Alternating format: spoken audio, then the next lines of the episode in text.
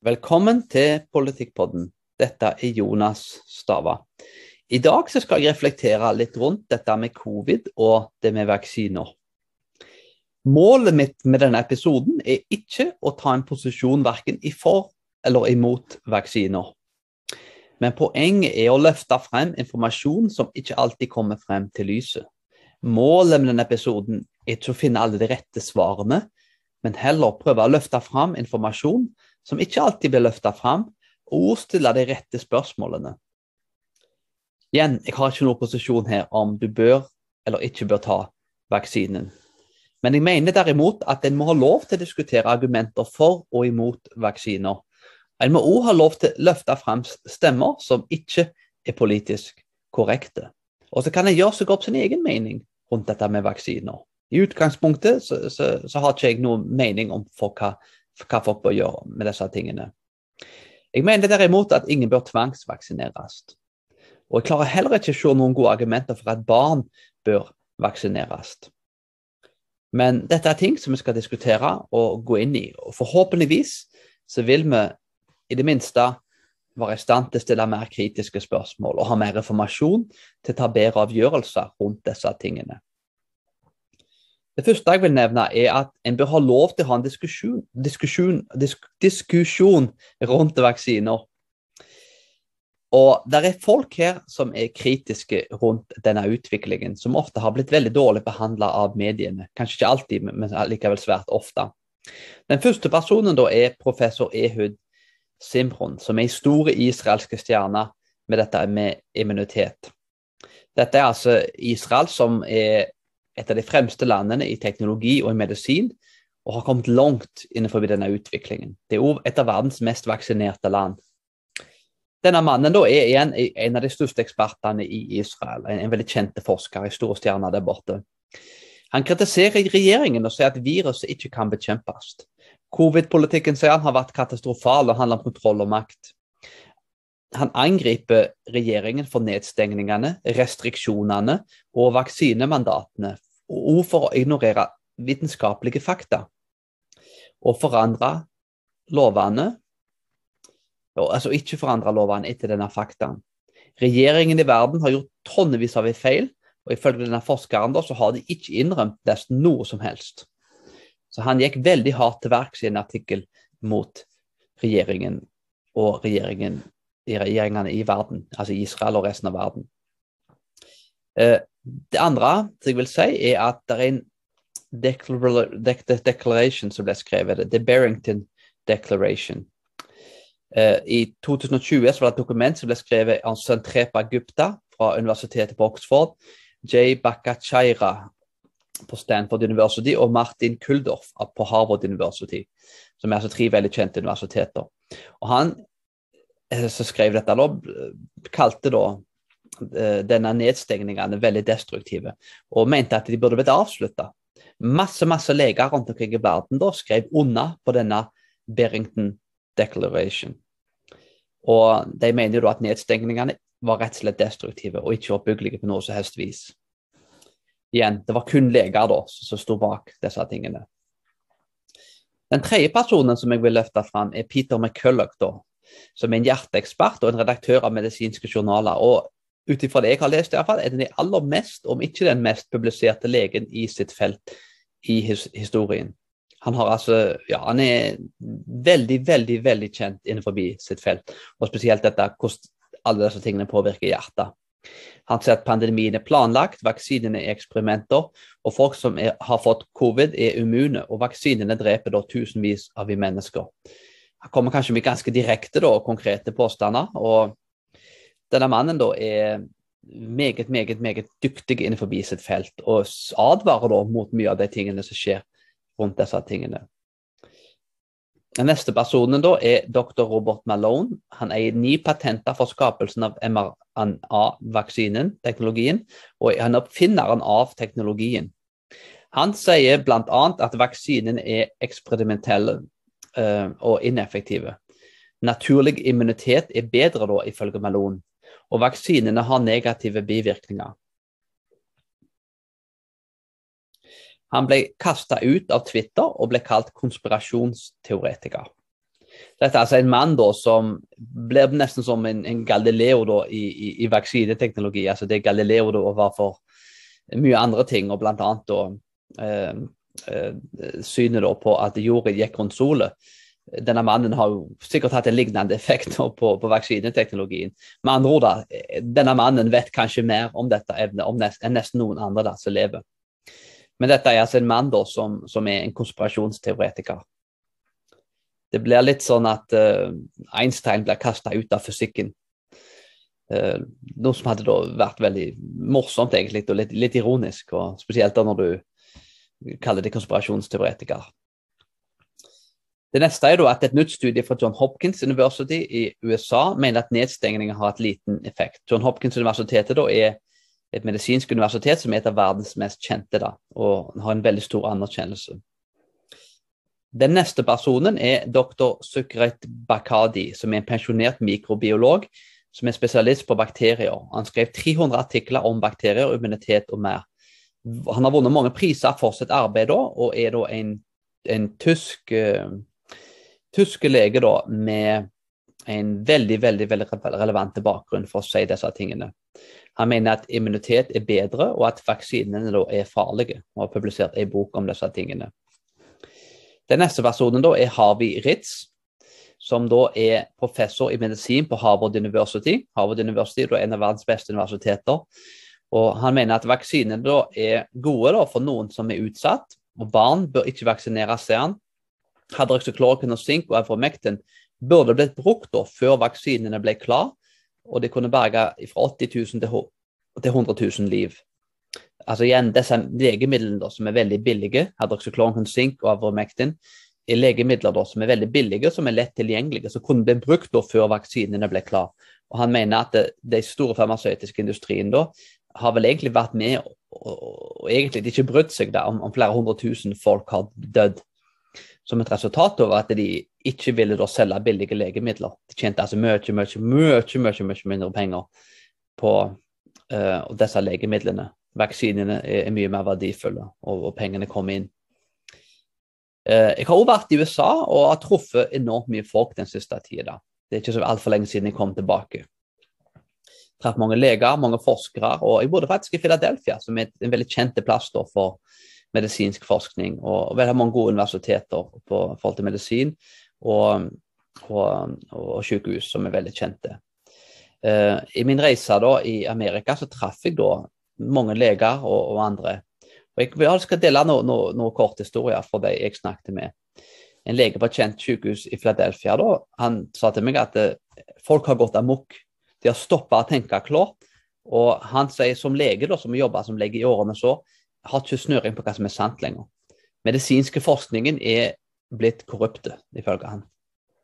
Eh, han jobber med dette her hver dag. Jobben hans er jo å hente inn medisinsk informasjon. og og levere rett diagnose. Men når det kommer til covid, så har de, det er noe helt sprøtt som foregår der. Og folk har slutta å bruke rasjonalitet og tenke klart rundt disse tingene. Eh, der er en annen som jeg snakket med, som jobber for et farmasøytisk eh, selskap da, som driver på med dette med vaksiner. Og Han sa at vaksinene er ikke testa ordentlig, og han hadde aldri anbefalt vaksinene. Han mener at dette er ja, helt sprøtt at de har fått dette gjennom. Han er mann som jobber med dette som en forsker. Uh, utenom det så var det en annen lege som var ganske høyt oppe. Han er akkurat pensjonert uh, i, Philadelphia, og han sa at um, en, god, en, en, god, venn av oss um, og Han sa at uh, dette handler om politikk, det handler om makt. Det har ingenting med forskning og medisin å gjøre. Ifølge han. Og jobba vel i 30-40 år som Eh, ja, så, så, som, som, kirurg og, og, lege. I Norge så har vi en overlege som heter Halvor Næss, som er nevrolog. da, og Han mener at koronaviruset da ikke er så mye farligere enn influensa. Målet mitt her er ikke å kritisere vaksinene. og igjen, Jeg argumenterer verken for eller mot vaksiner. for igjen, Jeg har ikke alle svarene på disse tingene. Men jeg tenkte iallfall som en eh, balanse til debatten. Bør en ikke ta såpass alvorlige røster i det minste høre på dem. Studere dem, lese hva de sier, høre på intervjuene deres. Kanskje de tar feil, kanskje de tar rett, har rett i dette. Det vil jo framtiden vise seg sannsynligvis. Men jeg tenker det minste for å få balanse i debatten, så må en i det minste tenke kan det være at disse folkene som er villige til å ødelegge sitt eget rykte, i noen tilfeller mister jobbene sine og blir kasta ut av Twitter og blir kalt konspirasjonsteoretikere? Kan det være at de har noen relevante og viktige poeng? At det er fagfolk som er eksperter i sine felt, og noen av de aller beste i sine felt.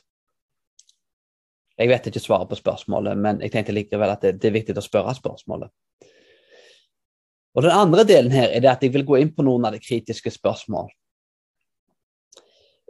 Disse kritiske spørsmålene er ikke meint å si de rette svarene, men heller å få oss til å tenke litt kritisk gjennom ting. Nummer én CDC, da, som gir råd om vaksiner, som har vært ansvarlige for disse tingene, mener at det finnes pregnant people. Dette kan du finne på hjemmesiden deres.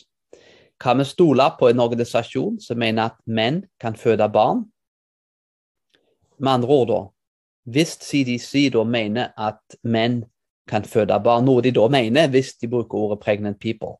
Det er ikke 'pregnant people', det er pregnant women'. Altså det er gravide kvinner, det er ikke gravide folk. Dette vet jo CDC innerst inne, men de er blitt så sterkt politiserte at de skriver da at menn kan føde barn. Det er det du gjør når du sier at det er 'pregnant people'. Det, det, det er en uunngåelig konklusjon ut ifra de ordene satt sammen. Menn kan føde barn, men stol på min vitenskap om vaksiner. Hvis du ikke vet at menn ikke kan føde barn, kan du da vite og gi råd om andre ting som er mer kompliserte. Jeg tror ikke det er mangel på kunnskap og for forståelse. Jeg tror CDC vet meget godt at menn ikke kan føde barn. Men jeg tror de er blitt så sterkt politiserte, som mye av samfunnet ellers, at de sier ting som de vet ikke er sant for å skåre politiske og ideologiske poeng. Men hvis kjønnsideologien da er kommet inn i CDC, og de ikke engang vet forskjellen mellom kjønnene, og ikke vil innrømme hva forskjellen mellom kjønnene er, bør vi da stole på, på, på, på vaksinekunnskapen deres? Kanskje, kanskje ikke. Jeg vet ikke. Nummer to. Medisin ifølge Sally Satel da, er blitt sterkt politisert. Dette er jo da en, en, en forsker da, og en, eh, en, en dame som skriver artikler på Quillette. Quillette er en webside eller nettaviser som faktisk er veldig pro-vaksine. Veldig pro-vaksine. Og, og denne artikkelen ble publisert. Og denne uh, journalisten, da, eller den personen som skriver, som da har en forskningsbakgrunn, sier at leger protesterte midt i nedstengningene for BLM, men ingen andre saker. Det var altså lov til å protestere. Det var hele 1200 leger som skrev, signerte et brev der eh, altså De skrev dette for John Hopkins School of Public Health, som er veldig kjent da, medisinsk eh, forskningsfakultet. Eh, når George Floyd da, i Amerika, når han døde, noe så var jo en tragisk ting når, når, en mann dør på den måten, men, men pga. at han døde, så hadde de lov til å protestere, til tross for resten av samfunnet var nedstengt og alle andre måtte være inne. Men hvis du gjorde det på vegne av George Floyd, da hadde du lov til å protestere. Så med andre ord, hvis det er de rette sakene, så har det ikke noe å si om det er et virus som sprer seg i samfunnet, og at du er med og bidrar til spredning av viruset, så lenge du jobber for de rette sakene. Dette er tragisk. Det hadde ikke vært så tragisk hvis det hadde vært politimenn eller brannfolk som hadde sagt disse tingene. Eh, det hadde vært problematisk da òg. Men, men, det er leger. Legens oppgave er først og fremst å hjelpe helsa og forhindre spredning og smitte til individer og til befolkningen. Når leger er så sterkt politiserte at de setter de politiske sakene sine, protester, foran helsa til folk, da bør en bli bekymra om folk har evnen til å tenke rett og klart. De setter politikken foran alt annet. Nummer tre. CDC innrømmer at bomullmasker ikke fungerte så bra. Og Mange studier viser faktisk at disse maskene ikke er effektive. Jeg skal ikke si at folk bør eller ikke bør bruke masker. Eh, jeg bruker selv ofte masker faktisk for å ta hensyn til andre folk. Eh, så jeg mener ikke nødvendigvis at det er galt, men er det effektivt? Mye tyder på at det, det er i det minste usikkerhet på om det faktisk er effektivt. Nummer fire. I New York så tvangsvaksineres barn. Hvorfor? Hvorfor i all verden er vi nødt til å vaksinere barn? Det er noe helt annet å vaksinere eldre folk, og, og gjerne folk som er ja, kanskje over 30 til og med, og andre ting. Og folk som er overvektige, folk som har dårlig helse. Altså, det er mange spørsmål som jeg kan stille hvem som bør vaksineres. Men barn dør ikke av covid. Det er noen ytterst få tilfeller der barn har dødd av covid. Og de tilfellene er sannsynligvis tilfeller der folk har underliggende sykdommer. Hvorfor vaksinere inn barn? Jeg ser ikke noen gode argumenter for det. Det neste spørsmålet er hvorfor er barn som er immune nærmest mot viruset, redde for å få covid? Jeg har truffet barn som er livredde for å få covid. Barn som går rundt og frykter forkjølelser, influenser, feber. Kan du tenke deg det? Hva er forskjellen egentlig for et barn å få en sterke feber, sterk influensa og få covid? Sannsynligvis ingenting. Tenk om et barn skal begynne å gå rundt og frykte det å bli syk og frykte bakterier. Det kan ikke være mentalt sunt for et barn å måtte bekymre seg for de tingene. Og barn bekymrer seg for disse tingene og er blitt redde for et virus pga. foreldrene. Hysteriske foreldre produserer ofte hysteriske barn. Barnet vet ikke bedre. La barn få lov til å leve og nyte livet sitt, og ikke være bekymra for Karius og Baktus. Det neste spørsmålet er hvorfor ble avromektin, hydroksyklon og ikke ble brukt? Kan det være at disse, disse, midlene, som har vært veldig effektive før vaksinen kom ut, at de er ekstremt billige? Det er ikke noe farmasøytisk industri som tjener masse penger på disse tingene, og dermed ble det ikke markedsført. Et annet spørsmål er hvorfor vaksinere folk som har hatt covid? Naturlig immunitet er vist å være like bra, men ikke bedre enn vaksinen. Hvorfor skal en vaksinere folk som har hatt covid? Og kanskje Et annet spørsmål å spørre er hvorfor forandrer vi ikke fartsgrense for å berge liv? Reduserer du fartsgrensen ned til 5 km i timen, så berger du tusenvis av liv. Om ikke på verdensbasis millionervis av liv. Du vil berge mye mer liv enn du vil av å berge covid. Hvis en forbyr alkohol, så vil den berge en hel haug med liv. Folk vil drikke mindre, være mindre voldelige, mindre kriminalitet, drap. Altså alkohol bærer med seg veldig mye av, av, av de negative tingene vi ser i samfunnet. Eh, skal vi da gjøre det forbudt for folk å drikke og, og redusere fartsgrensen til 5 km i timen? Du hadde berga liv på å forandre på de to lovene og, og, og gjort de to tingene. Men det ville jo vært sprøtt å slutte å la folk få leve i tilfelle at det kan være noen som dør. Samfunnet hadde jo ikke fungert hvis biler kjørte fem km i timen. Du hadde stengt ned alt, akkurat som folk har gjort med covid. Det neste spørsmålet er da Eller det er vel mer en påstand eller et spørsmål. Åtte forskere da sier at influensa tar flere liv enn koronavirus i Norge, Sverige og Danmark. Dette har vært visse år da, der de mener at influensa har faktisk tatt flere liv enn koronaviruset. Hvorfor svarte vi ikke likt på influensa? Hva er det som har skjedd? Det neste spørsmålet er da tror elitene på masker? Det er eksempler på Gary Newsom i, i Amerika, Nancy Pelosi for Demokratene og til og med Erna Solberg her for Høyre, som jeg ble tatt på fersken uten masker sammen med andre folk. Tror politikerne på det de selv sier? Er det ett sett med regler for dem og ett for resten av befolkningen? Det neste spørsmålet er da hvorfor bryr folk seg om at andre er vaksinerte, så lenge de, de selv er vaksinerte? Skal vi begynne å gå rundt og bli sinte og irriterte på folk som ikke har tatt eh, meslingvaksiner, og, og, og som ikke tar ansvarlige og gode medisinske valg? Så kan vi bli sinte på alkoholikeren som nekter å slutte å drikke, til tross for legen sier at du er død innen en måneds tid. Eh, det er dumt når folk tar uansvarlige medisinske valg, men å være sinte på folk som gjør de tingene, er drøyt. Bør en ikke bruke skjønn etter alder og helse når det kommer til vaksinering?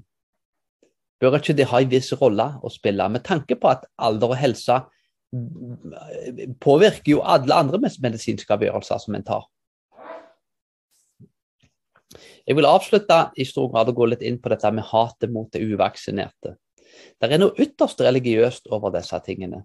Men i motsetning til kristendommen, da, der nestkjærlighet, der en faktisk skal elske folk som er annerledes enn en sjøl, så, er det da motsatt med dette her. De som er vaksinerte, da blir fortalt at de skal hate de uvaksinerte. Å hate mennesker som en sjøl mener tar et uansvarlig medisinsk avgjørelse, hører ikke hjemme i den siviliserte verden. Hadde det ikke vært bedre å vise folk kjærlighet og sagt jeg er så glad i deg, jeg bryr meg om deg, og derfor vil jeg at du skal vaksineres. Hvis du oppriktig tror på at dette er den beste løsningen, er det ikke bedre da heller å vise folk kjærlighet. Videre så er det det at en må se på dette med å frykte Gud og frykte alt annet. Folk er blitt livredde for døden og har utvikla hysteriske holdninger rundt disse tingene. Når en ikke frykter Gud, så begynner en å frykte alt annet. Og frykten for da, ja, karies og baktuser og et virus er blitt mye større da enn frykten for Gud. Videre så ser vi at vi har avvist Gud og forståelsen av at den rasjonelle Gud har skapt en rasjonell verden som vi kan utforske fordi vi er skapt i hans bilde. Vi forholder oss ikke til verden på en rasjonell måte lenger denne avvisningen av dette gjør at vi får ikke rasjonalitet, men vi får hysteri. En annen ting er det at skillet mellom sekulært og hellig eksisterer ikke lenger. Michael Knowles sa noe veldig smart, som er at polit, altså alt er blitt politisk, unntatt politikken. Så politikken nå er, er blitt sakralisert og, og, blitt en autoritet i seg sjøl. Og det er nesten ingenting som kan utfordre den politiske autoriteten. Den er blitt som en religion. Dette minner svært, svært, svært mye om en, om en helsereligion som blir sanksjonert av en guddommelig stat. Vaksinen er ikke vår frelse. Det, han kan være god avhengig av situasjon, helse og alt annet, uavhengig av hva du mener om vaksine eller ei. Om, om, du mener det er en god eller dårlig ting. Det er uansett ikke frelsen vår. Og når vi av, avviser nattverden, da, som vi tar da, som et offer der Kristus blod dekker oss til, så virker det som for mange folk tror at vi, vi trenger ikke Jesus' blod for å dekke oss til lenger, for å forløse oss ifra synd, men vi må bli dekka til av vaksinen. Det er blitt en, Vaksinen har fått en religiøs posisjon. En tror at vaksinen, når han har fått den, så er en frelst. En er frigjort fra synden og fra dødsengelens nådestøt. Det samme er med maska, at maska er blitt som et religiøst symbol for mange. En bekjenner seg som troende, som er kristen når en går med kors i det offentlige. Noen gjør det, da, jeg gjør det ikke, men, men en del andre folk gjør det. Og Når en da tar del i blodet til Kristus da, og, og, har dette korset, så viser en da at synden er blitt tilgitt, og en setter liten da til den korsfesta Kristus. Maska er, er blitt som et religiøst symbol der en i stor grad da eh, er blitt dekt til da, av denne maska på samme måte som en er dekt av vaksinen. I, i, andre Mosebok da, så, så, går dødsengelen forbi Israel, eh, Israel sitt hus. da, og Pga. at de har tatt da, lammet og, og, malt det på dørstokken. Men engelen går ikke forbi den førstefødte da, av, av Egypts hus. For der er det ikke blod på dørstokken. Og dermed så går dødsengelen inn, og den førstefødte da dør. En er altså ikke dekket av blodet til Kristus og av blodet til lammet. da der. Dermed da, så, så, så, så, kan en ikke leve. Likt er det med dette maska og, og, med denne vaksinen. En må dekkes til da av noe som mange, for mange da vil ha nesten som en funksjon der Jesus' blod har for kristne. En må dekkes til, sånn at dødsengelen går forbi, og en da får lov til å leve. Det burde vært åpenbart at det er mye makt og penger involvert i disse vaksinene. Noen har tjent seg styrtrike på vaksiner. Ingen tjener penger på naturlig immunitet. Å vaksinere barn må være et av de groveste eksemplene på grådighet som jeg har kjent iallfall i moderne tid. De store farmasøytiske bedriftene tjener formuer jo flere som vaksinerer seg, og jo oftere de vaksinerer seg kan det være at makt og penger faktisk er det som står bak disse tingene. Vi vet at mye av verden har blitt styrt av makt og penger, og at de to motivene egentlig forklarer mye av verdenshistorien. Har mennesket forandra seg så mye at folk ikke er villige lenger til å gjøre de samme tingene som de har gjort i hele menneskets historie? Jeg vet ikke. Jeg vet derimot at en bør reflektere rundt disse tingene. En bør stille kritiske spørsmål. En bør lytte til stemmer som en er uenige med. Og så kan en gjøre opp, seg opp sin egen mening om hva en mener er rett, og hva en mener er galt. Uansett så håper jeg at disse refleksjonene rundt covid og vaksiner var til hjelp, og at det ville være i fall noen nyttige innspill og, og no, noen nyttige refleksjoner som får en til å tenke litt nytt rundt disse tingene. Og om jeg ikke har funnet alle svarene, så håper jeg i det minste at jeg har fått folk til å tenke litt, og fått folk til å tenke og, og stille kritiske spørsmål. Det var alt for i dag. Vi snakkes neste gang.